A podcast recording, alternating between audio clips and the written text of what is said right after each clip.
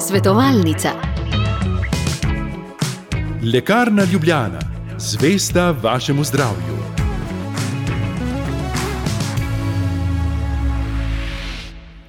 Dober dan, prijazno pozdravljeni tudi v svetovalnici, ko pozdravljam dva sogovornika. Z nami Polonca Teršek, profesorica defektologije, prihaja iz Centra za socialno delo enote Laško, je predsednica strokovnega sveta društva Logos. Lep pozdrav, dobro jutro. Dobro jutro. V našem studiu pozdravljamo tudi magistra Martina Lisca, direktorja inštituta Stopinje in predsednika društva Logos. Oba pa sta logoterapeuta. Lep pozdrav, Martin. Dobro jutro. Vesela sem, da se znova srečujemo. Napovedali smo za tokratni pogovor, da bomo oblikovali kot svetovalnico, kje je vloga logoterapije, ko se zatakne, kot rečemo pogovorno, ko ne steče v odnosih, ko čutimo nek pritisk, da smo prišli na križ poti, ne vemo levo, desno pri vzgoji. Če morda ponagaja zdravje, smo soočeni s kar težko ali pa sploh s kakršno koli boleznijo, vedno znova je to težak udarec. Skratka, ti izzivi življenja, kje tu odgovarja zelo plastično, konkretno logoterapija. Eh, situacije, ki ste jih omenjali, so pravzaprav situacije vsakdanjega življenja, oziroma situacije vsakdanjega življenja, situacije, s katerimi se srečuje ali pa sreča vsak izmed nas kar nekaj kartolokov našega življenja. Recimo Svetovna zdravstvena organizacija je uh, dala ven en podatek, da se v loku našega življenja, to pomeni človeškega življenja, vsak izmed nas od trikrat do petkrat sreča z nekimi situacijami, v katerih je njegovo duševno zdravje načeto. In prav te si to od trikrat do petkrat tako. Pač to so različne situacije v življenju, ravno to, kar ste, kar ste omenili, življenjske izgube, težave v službi, eh, neke situacije, na katere nimamo nikakršnega vpliva, ali pa tudi kakšne stvari, na katere smo imeli v nekem trenutku življenja vpliv, pa se je pozneje izkazalo, da se življenje obrača v neko smer, eh, ki je za nas potem težko, naporno in tako naprej. In seveda v takih trenutkih je vedno vprašanje, kako to duševno zdravje, v najširšem pomenu besede, um, ohraniti, oziroma kako iti skozi te težke uh, situacije v življenju. No, in takrat, uh, seveda, eno od, oziroma eden od načinov je zagotovo tudi uh, pogovor s terapeutom, to pomeni psihoterapevtsko svetovanje, uh, pogovor z nekom tretjim, ki ni neposredno upleten v, v uh, tisto konkretno situacijo, z namenom, da seveda najdemo neko notranje opolnomočenje in da potem sprejmemo neke odločitve, eh, ki nam bodo pomagale. Po eni strani sprejeti tisto situacijo in od tam naprej eh, odgovorno ravnati. In eh, ja, logoterapija pa posebej naslavlja prav te krizne trenutke življenja, skratka situacije, eh, ko moramo sprejeti neke objektivne stvari, na katere veliko krat nimamo vpliva, ki pa po drugi strani močno zaznamujejo eh, naše doživljanje, naše življenje, kakovost našega vsakdanjega bivanja. Martin, zelo pozorno smo vas poslušali, dvakrat ste rekli, da je treba sprejeti, tega pa nočemo mi bi spremenjali scenarij svojih življenj do nemoglosti in potem ugotovimo, življenje je šlo. Mi smo se pa zaletavali v eno in isto, kar nas moti, preko katerega ne moremo. In zakaj se to dogaja? Gospa Polonca, preden smo odprli eter, ste tako dobro rekli, da zdaj neuroznanost že na marsikaj eh, odgovarja, da nam je sploh razumljivo, zakaj to človek pri tej zdravi pameti sploh počne. Eh, ko se odpira ta svet, česa ste se vi naučili, predvsem v ljudeh? Ljudeh, v človeku. Zakaj si res včasih sami zastavljamo velike ovire, pa ne bi bilo treba, da tako visoke so, kakšne pa so, ampak ne pa vedno in za vse. Zdaj, tekom logoterapije smo prišli do spoznanja, da lahko govorimo tudi o prazaupanju. Prazaupanju v svet. Um, ampak tisto pravo, osnovno zaupanje se v bistvu začne v družini. Se pravi, ko mati porodi otroka, ko se sproža oksitocin, ki je tisti, ki. Hormon, ki otroka poveže z materjo, in um, ko mati ob tem negovanju začuti um, toplino in jo je pripravljena z otrokom deliti, s tem otroku v možganjih povzroča kemične procese in občutek ugodja, da se lahko na svet in pa na osebe, ki so v njegovem življenju blizu, navezuje. če ti kemični procesi niso sproženi, se kasneje njegove možganske uh, celice dejansko blokirajo in je potem kasneje v vseh svojih uh, odraslih obdobjih teže navezuje kontakte in stike. In tako je tudi v bistvu z mladostniki. Um, ko govorimo o tej mladi populaciji, smo v nekem tem njihovem občutljivem obdobju pred, postavljeni pred mnogo izzivov. Oni z nami in mi z njimi.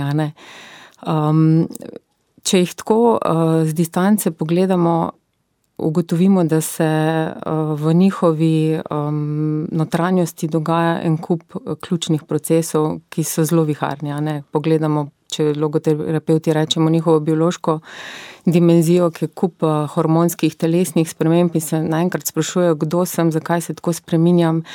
In če mu pomagamo iti čez ta proces, hkrati uravnavamo tudi njihovo psihološko dimenzijo. Ne? Kdo sem, kaj postajam, kako me sprejema svet zakaj sem jezen, zakaj sem zaljubljen, zakaj nekaj čutim in zakaj ne. Ko se proces tu blokira, prihaja do nekih um, čustvenih sprememb, lahko govorimo tudi o nahranjenju, o samopoškodovanju, um, tudi o kakih anksioznih stanjih, o depresivnih stanjih, o tem je koronsko obdobje zelo kar dosti govorilo, ne. Um, posledično se pojavljajo pa tudi eh, pri določenih mladostnikih motne vedenja, smo pa pri agresivnih izpadih in vrstniškem nasilju. In logoterapija lahko um, pri mladih odpira prostor in ponuja možnosti izbire, uh, tudi če so slabe, uh, se skupaj z njimi ugotavlja, katere bi pa lahko bile boljše in bolj smiselne v njihovem življenju. Uh, in ko so v tem delu podprti, sprejeti in slišani v njihovi resničnosti, če temu tako rečemo, um, navežejo z nami varen kontakt in so pripravljeni na spremembe za naprej. Seveda bomo veseli, če se v naš pogovor vključite tudi poslušalke in poslušalci.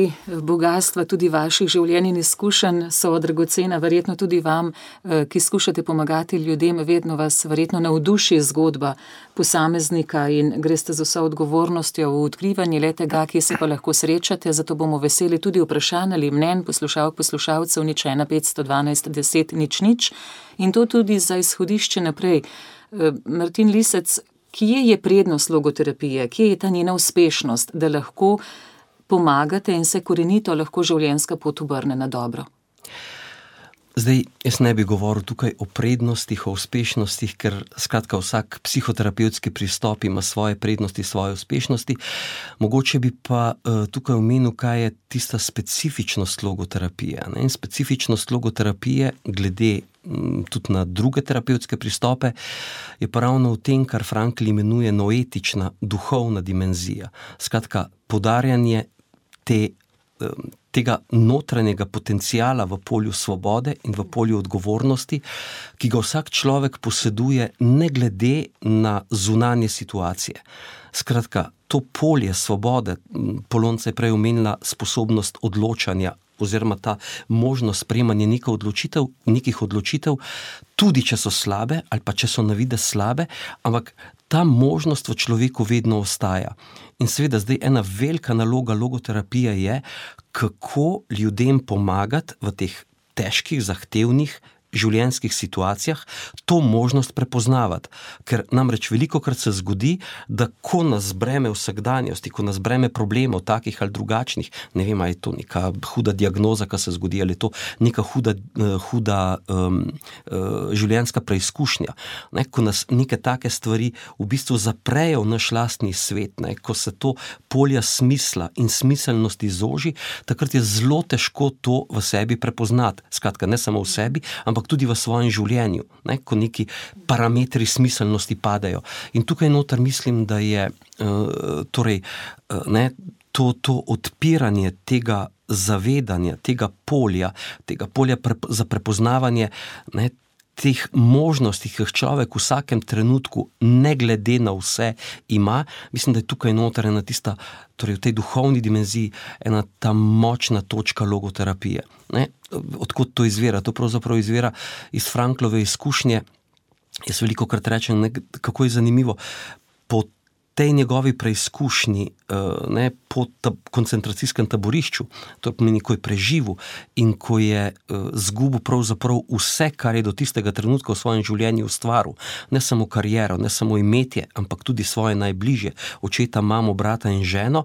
Ne, zanimivo in povedno, da prva knjiga, ki jo je sploh napisal, oziroma prva knjiga, ki jo je napisal po osvoboditvi, po tej preizkušnji, nosi naslov Kljub vsemu rečem življenju da.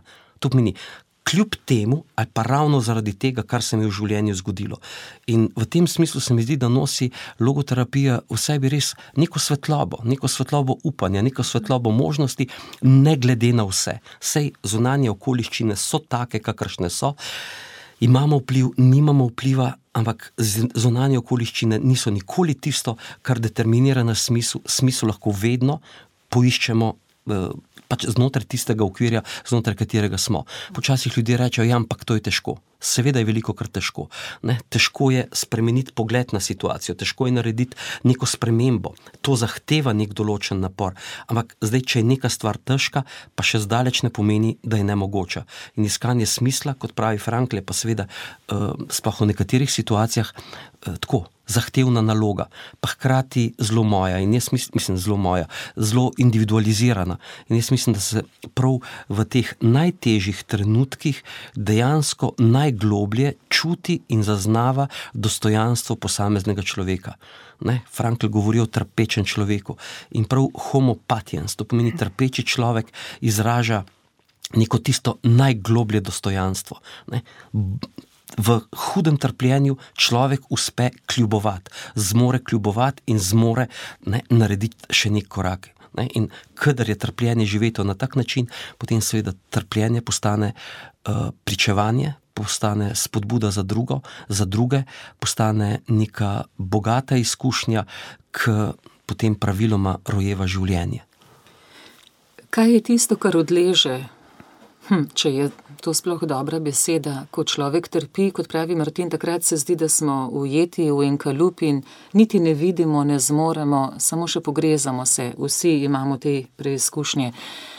Kdaj pa vendarle človeku vsaj nekoliko odleže, da je sposoben videti kaj drugače? Gospa Polonca, kakšne so vaše izkušnje? Ali je mojstrstvo, vaša spretnost prav v tem, da prepoznate tisto točko, kje pa vendarle z nekom lahko gradite naprej? V bistvu mi z sokratskim pogovorom um, klienta usmirjamo k temu, da sam odkriva svoj svobodni prostor. -huh. Kaj znotraj. Um, Znotraj tega njegovega svobodnega prostora še tisto, ki je nedotaknjeno, ki je v njegovi duhovni dimenziji, Eh, če temu rečemo, da s hvaležnostjo pogleda na, na svojo prehojeno pot za nazaj in poišče svoje vrhove. In tisti vrhovi so navadno, um, jih navadno osvetlimo in jim dajo tudi neko upanje za naprej. Bilo mi je zelo zanimivo, ko ste prej naštevali, s čim vse se mladi soočajo, ampak zakaj ne zmoremo, ko smo besni, ko so ta, ti čustveni odkloni, zakaj ne zmoremo imeti neke zdrave meje? Ali so tu vzroki tudi dosti krat pri teh zgodnih letih, če nismo bili potolaženi? Zelo lepo ste rekli, če nismo uh, zrasli v naročju. To je najboljša vzgoja, da otrok zraste in doraste na rokah. Skratka, veliko ljubezni, objemov, sprejetosti. E, če tega ni, ali se tudi na to lahko naslonimo, potem so ti besni izzivi toliko večji. Je kakšna povezava tu? To morda kot na svet za tiste, ki še imajo otroke lahko v svojih naročjih, da bi jih večkrat vzeli.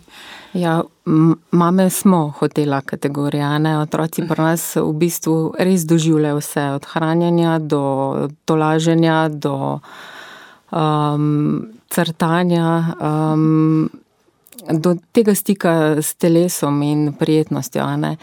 Ja, um, če otrok v svojem bistvu, ne, um, že v, od zgodnega otroštva naprej ni sprejet takšen, kakršen je in ni uh, na prav način spodbojen.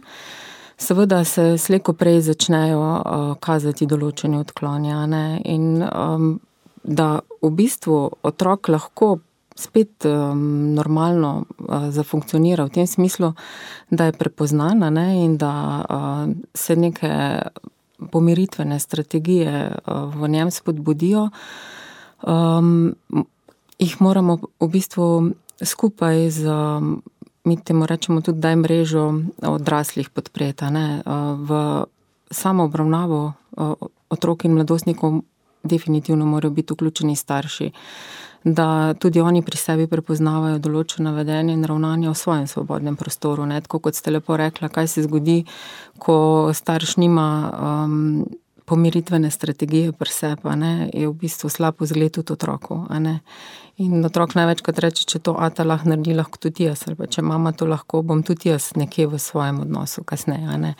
Tako da ja, ugotavljamo, da so neke stvari se prenašajo iz generacije na generacijo. Kako torej vstopimo v to pomiritveno strategijo? Všeč mi je ta, ta izrek ali pa ta besedna uh, povezava pomiritvena strategija, saj bistvo je, vsem, je v tem, tudi ko prepoznam čustva, da vendarle se znam odzvati na to z neko pravo mero. Martin, kaj bi rekli? Pa če smo lahko tule kar zelo svetovalni in korak po koraku. Eh, vidim, da nek odnos postaja napet. Eh, kakšni so tisti najboljši koraki, da smo v tej pomiritveni strategiji? Se lahko na tak način morda zdaj lepo igramo v navednicah s temi izkušnjami življenjskimi? Kaj bi recimo vidva naredila?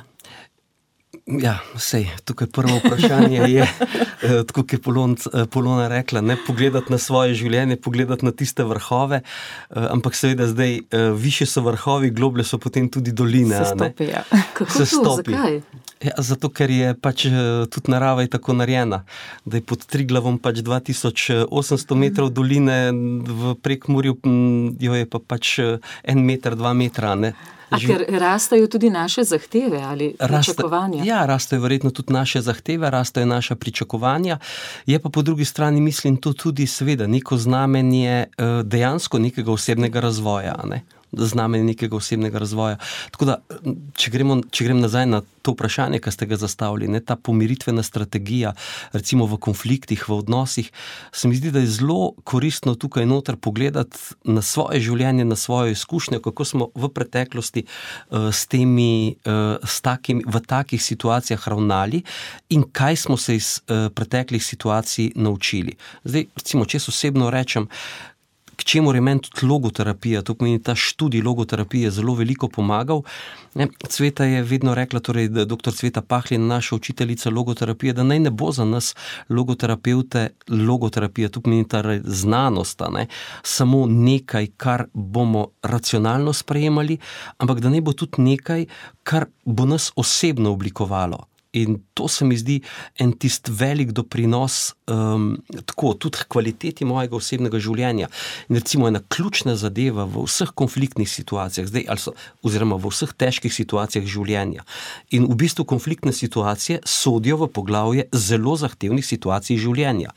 Ne, kaj pa s tem, če govorimo zdaj, ne vem, en hud konflikt v uh, zakonu med možem in ženo.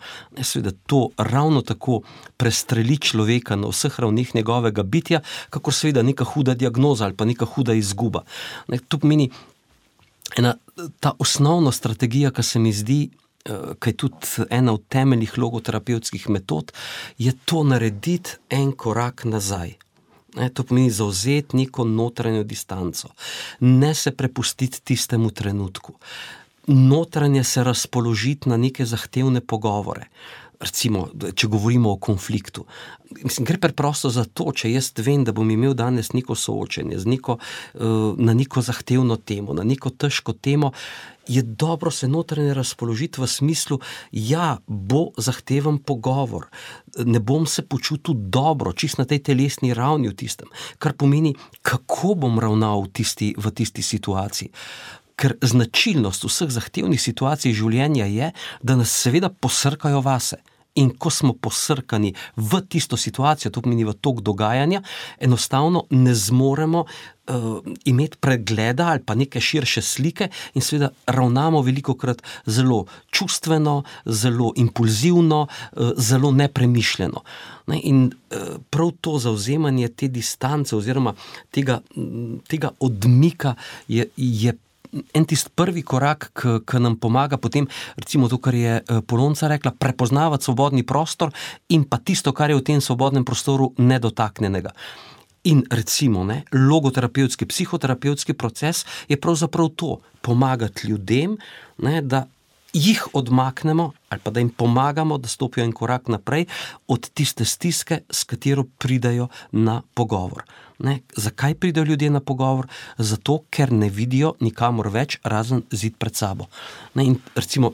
Eh, pri sebi sem jaz to videl čistko, da to prinaša potem nek notranji mir. Ne? Nek notranji mir v smislu, da ne glede na to, kaj se v vsakdanjem življenju dogaja, in na to, seveda, nimamo nekega velikega vpliva, včasih imamo, včasih nimamo, eh, včasih se stvari zgodijo čisto nenadoma, ko niti ne pričakujemo, včasih so kakšne stvari, za katere vemo, da bodo prišle na, na urnik in tako naprej. Ampak to, torej to doseganje tega notranjega miru, notranje umirjanje, to se mi zdi ena tista ključna zadeva. Ne? Frankl govori veliko o pomembnosti sedanjega trenutka. Ne? Zakaj? Zato, ker v sedanjem trenutku, v vsakem trenutku se odločamo za nek smisel trenutko, trenutka. Izbiramo tisto, kar je v tem trenutku za me najbolj smiselno. Ne? O čem pravzaprav mi tukaj govorimo? Govorimo o čuječnosti življenja. Ne o vajah čuječnosti, kar je super, zjutraj, zvečer in tako naprej, ampak s to notranjo distanco ne, z učenjem tega, se mi zdi, da se učim malo te čuječnosti sredi vsakdanjosti. Skratka, biti tukaj in sedaj, se ne prepuščati v smislu slovenskega pregovora, da se nobena juha ne poje tako vroče, kot se skuha. Pa če se navežem, Martin, nate, je v bistvu ta del, da pri klientu podpremo, da ga podpremo v dobrem in v zdravem delu. Um, ker to je ta del svobodnega prostora, ko takrat, ko smo v stiski, najverjetneje ne vidimo. Ne? In ko vzamemo distanco, pa ko ti terapeut pokaže, da pa vendarle ostaja nekaj, kar je še vredno in za kar se še da potruditi, um, se to osvetli in je lažje pot naprej.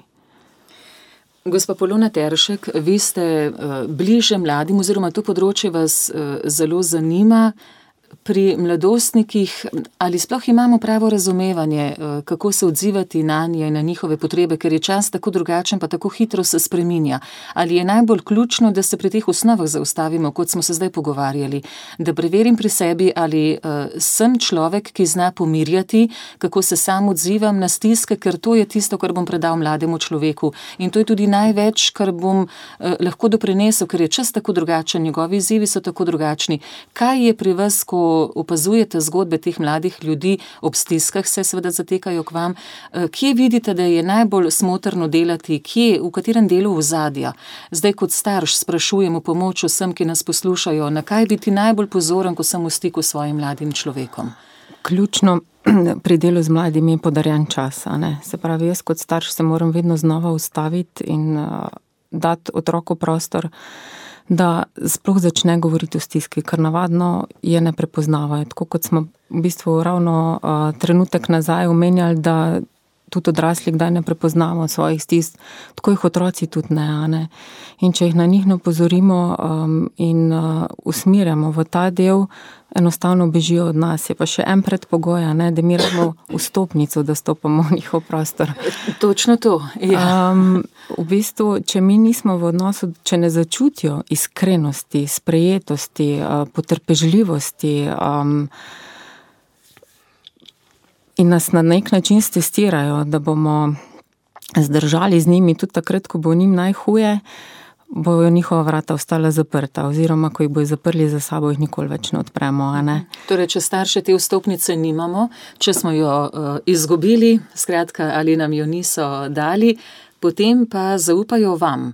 Ali tudi vas preizkušajo, recimo terapeute, ne mislim zdaj prav vas osebno, ampak gre tudi meni osebno v terapevtskem aha, procesu. Aha. Um, to je tisti del, uh, spomnim se, um, kar nekaj časa nazaj, ko sem delala za eno mladostnico, ko dejansko, um, ko je prihajala um, v proces terapije.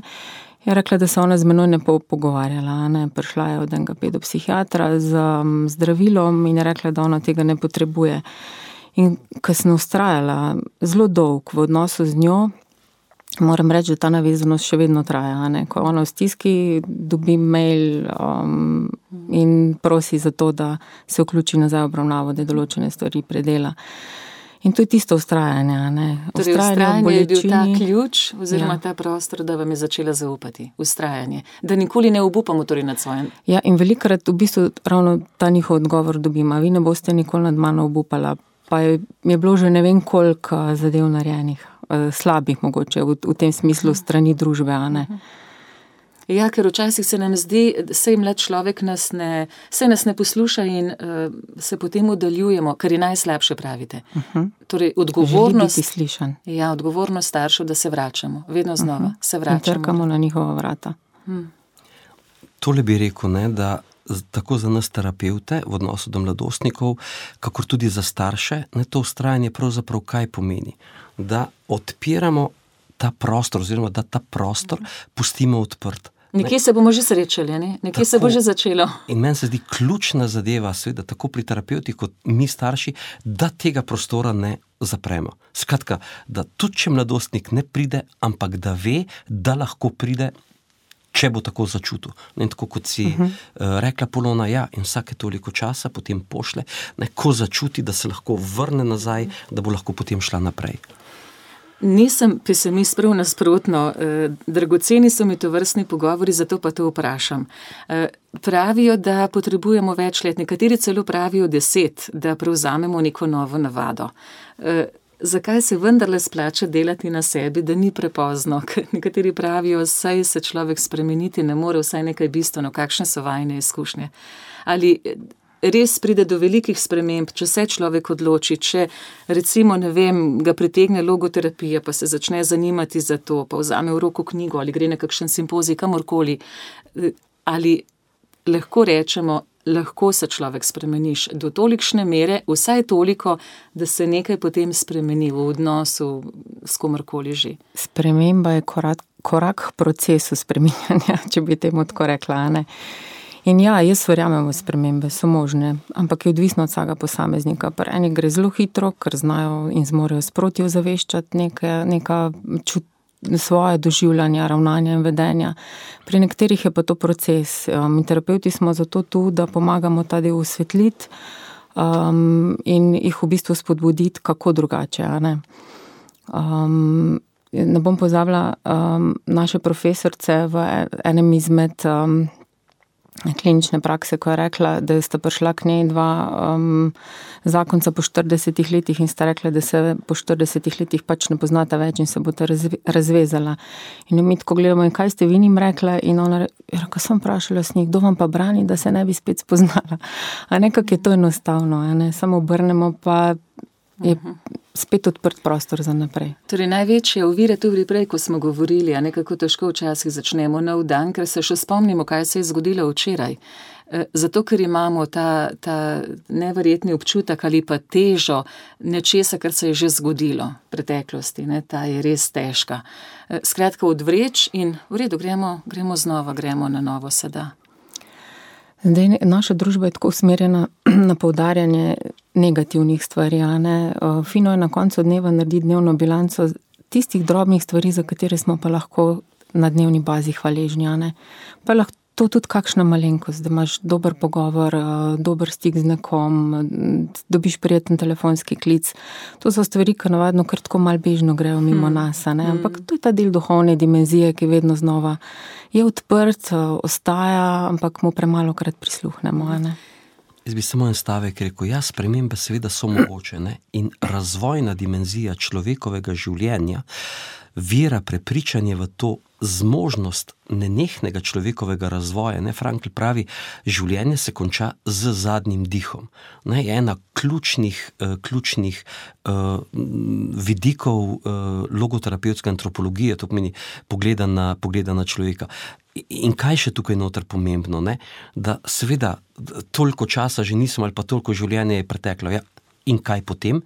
Danes, sedaj imaš mhm. možnost za nekaj drugega, za nekaj drugačnega. In, in človekovo življenje se dejansko konča z zadnjim dihom, in do takrat imamo možnost drugače. Ne? Potem se pa vsi skupaj zdaj recimo, ne bo to neka skupna terapija. Recimo si, pa kaj potem, nad vsem, kar se je zgodilo včeraj, tudi če 40 let zakon ni bil srečen, pa kaj potem. Danes je nov dan, so nove priložnosti, tudi če imamo doma napornega mladostnika ali kakršnikoli drugi izzivi že so, si recimo, pa kaj potem, kaj mi pa odpira današnji dan, ki imam pa tu možnost in priložnost.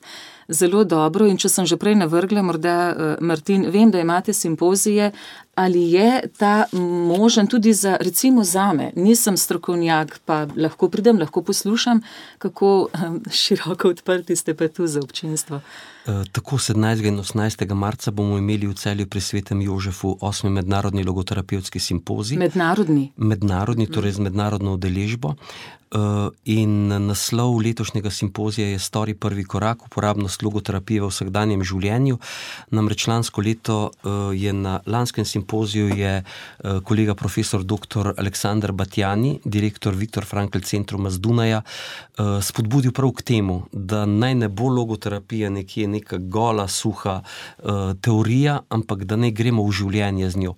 In letos bomo na simpoziju seveda razmišljali o logoterapiji, v starosti, pri delu z mladostniki, pri vzgoji, v menedžmentu, v medicini in tako naprej, najrazličnejši vidiki.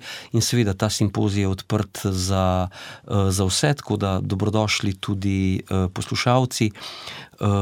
Več informacij pa najdejo na spletni strani društva Logos, preprosto, danes se spoznamo na te stvari in Ja, no, vemo, ko kako že najti. omenjamo društvo Logos, pa morda še to, tam nam je na voljo tudi, vi ste jo poimenovali, cvetina bralna značka. Če bi radi tudi preko knjig, a ne, vstopili v te zgodbe, pa se opolnomočili ali postali bolj v tem trenutku tu in zdaj, da zmorem reči nad včerajšnjim dnem, pa kaj potem. Drži, bralna značka je pomenljiva v tem, ker branje knjig je, predstavlja tudi en del terapije, ne, in tule so zbrane po sklopih. Jaz mislim, da če jo boste pogledali in poiskali na netu, da bo vsak zase našel nekaj, kar lahko prebere. Hvala lepa, pol ure ni veliko časa, po drugi strani se pa lahko tudi svet spremeni, če smo naredili eno majhno drobno spremembo pri sebi. Hvala lepa za zelo konkretne spodbude v tem jutranjem pogovoru. Še več verjamem, da jih bo tudi na tem simpoziju izrečenih. Hvala za obisk Polonci Teršek, profesorici defektologije, ki prihaja iz Centra za socialno delo enote Laško, je predsednica strokovnega sveta društva Logos. Hvala tudi za obisk magistru Martinu Liscu, direktorju Inštituta Stopinje, predsedniku društva Logos, sta logoterapevta, za vajine nasvete, vajine spodbude in še kdaj. Najlepša Hvala hvala. lepa. In namesto pike na i, pa kaj potem nad vsem, kar se je zgodilo včeraj. Hvala. Hvala. Hvala. Svetovalnica. LL Viva, specializirana prodajalna z medicinskimi pripomočki. LL Viva.